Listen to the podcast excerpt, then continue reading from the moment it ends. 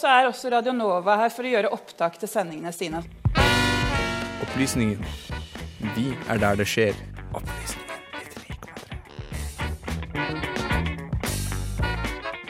Det er jo et ordtak som sier at uh, pennen er mektigere enn sverdet. Uh, og det er jo mange som argumenterer for at det er ingenting som er mektigere enn språk og ord og kunnskap og sånt. Uh, og med det så har vi nå tatt for oss et visst språk. Runa, hva heter dette språket? Esperanto. Yes, Og dette er da et uh, språk som er sammensatt av mange forskjellige språk, som det er forventet at hele verden skal Eller det var vel det som var utgangspunktet. At hele verden skal lære seg det, sånn at alle kan snakke med hverandre. Mm. Og for å gjøre dette så har de jo koblet mange språk inn i dette språket for å gjøre det mest mulig forståelig. Husker du eh, hvilken det var, Rune? Ja, eller De har tatt utgangspunktet i hovedsak latinske språk, altså den språkstammen. Eh, men også germanske. Og så har det visst vært noe samisk involvert der òg. Eh, av de småspråkene som ble involvert. Eh, men det står Jeg tror det er veldig lite som er hentet fra f.eks. asiatiske språk der. I og med at det er laget her i Europa. Så jeg tror den er en liten glipp men det er jo tross alt over 100 år siden de forsøkte å lage dette språket. Ja. Så man kan si at det er litt sånn eurosentrisk eh, språk, men eh, Ja, det dekker Europa, deler av Afrika, eh, ja. Latin-Amerika og Amerika, da. Ja. ja. Så det er jo det er jo nesten hele verden, da. Nesten! Klart det nesten. ja. da, med det så har jeg faktisk funnet fram eh, en setning her. Um, nå kan jeg ikke love at jeg uttaler det riktig, da, men vi er et forsøk. Esta Bonna estos en la studio. Oi. Wow. Jeg syns det høres spansk ut. Det gjør det. Ja. Uh, er det, må starte med. Det er vel setningen. Ja. Er ja, nesten. Mm. Bytt, bytt om. Det er ikke noe spørsmål. Det er. Ja. ja. Det er god stemning i studio? Ja! det er det. ja, og nå skal vi få lov til å høre litt mer om dette mystiske språket esperanto.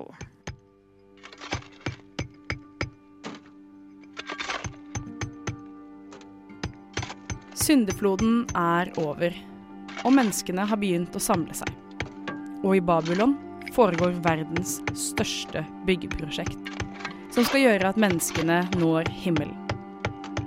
Men da Gud stiger ned til jorden og ser hva menneskene er i ferd med å gjøre, blir han sint. For å hindre byggingen gir han menneskene ulike språk, slik at kaos og forvirring oppstår blant dem.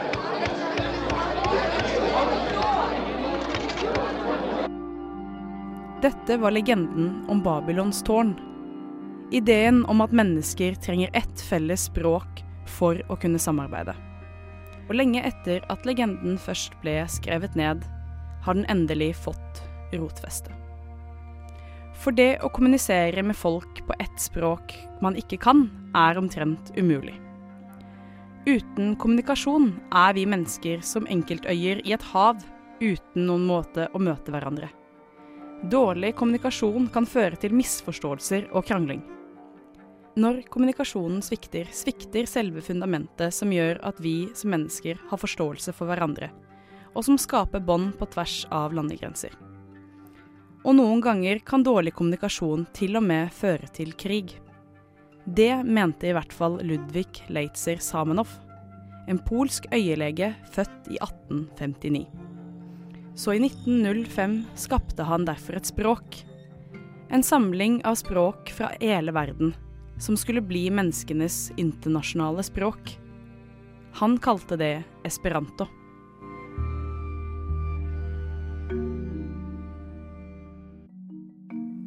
Ludvig Leitzer Samnov vokste opp i byen Bialastok, i et sted som i dag er østre delen av Polen. I byen han vokste opp i ble det snakket hele fem språk. Polsk, russisk, hviterussisk, tysk og jiddisch. Ikke bare gjorde dette at han var god i språk, men dette farget også synet hans på hvor mye språk betyr for kommunikasjon. Samanov mente at dårlig kommunikasjon var roten til alt kaoset i verden. Og at dersom menneskene kunne kommunisere bedre, ville det bety slutten på krig og elendighet. Med ett felles språk kunne vi forstå hverandre på tvers av landegrenser, historiske bakgrunner, etnisitet og religion. Samenov skapte derfor, som nevnt, esperanto. Det ble raskt startet en organisasjon som skulle spre esperanto. Og bare et år senere, i 1906, ble den norske esperantoforeningen stiftet. Organisasjonen oversatte kjente verk og hadde årlige internasjonale møter. Disse møtene har blitt holdt i alle år for utenom første og andre verdenskrig. Og konferansen har også blitt holdt i Norge to ganger. I Oslo i 1952 og i Bergen i 1991. I Norge har språket vært mest brukt på 30-tallet i Kirkenes. Som et vennskapsspråk mellom nordmenn, samer, finner, russere og svensker. Og det norske esperantoforlaget holdt frem helt til 2007 med å oversette og gi ut lærebøker på esperanto. Så hva skjedde? Hvorfor snakker ikke alle sammen esperanto? Det letteste svaret handler vel egentlig om at ingen snakket det til å begynne med.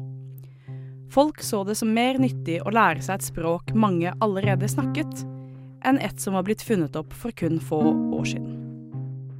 I tillegg hadde det britiske imperiet stor påvirkning på hele verden, og flere lærte seg engelsk enn noen gang før.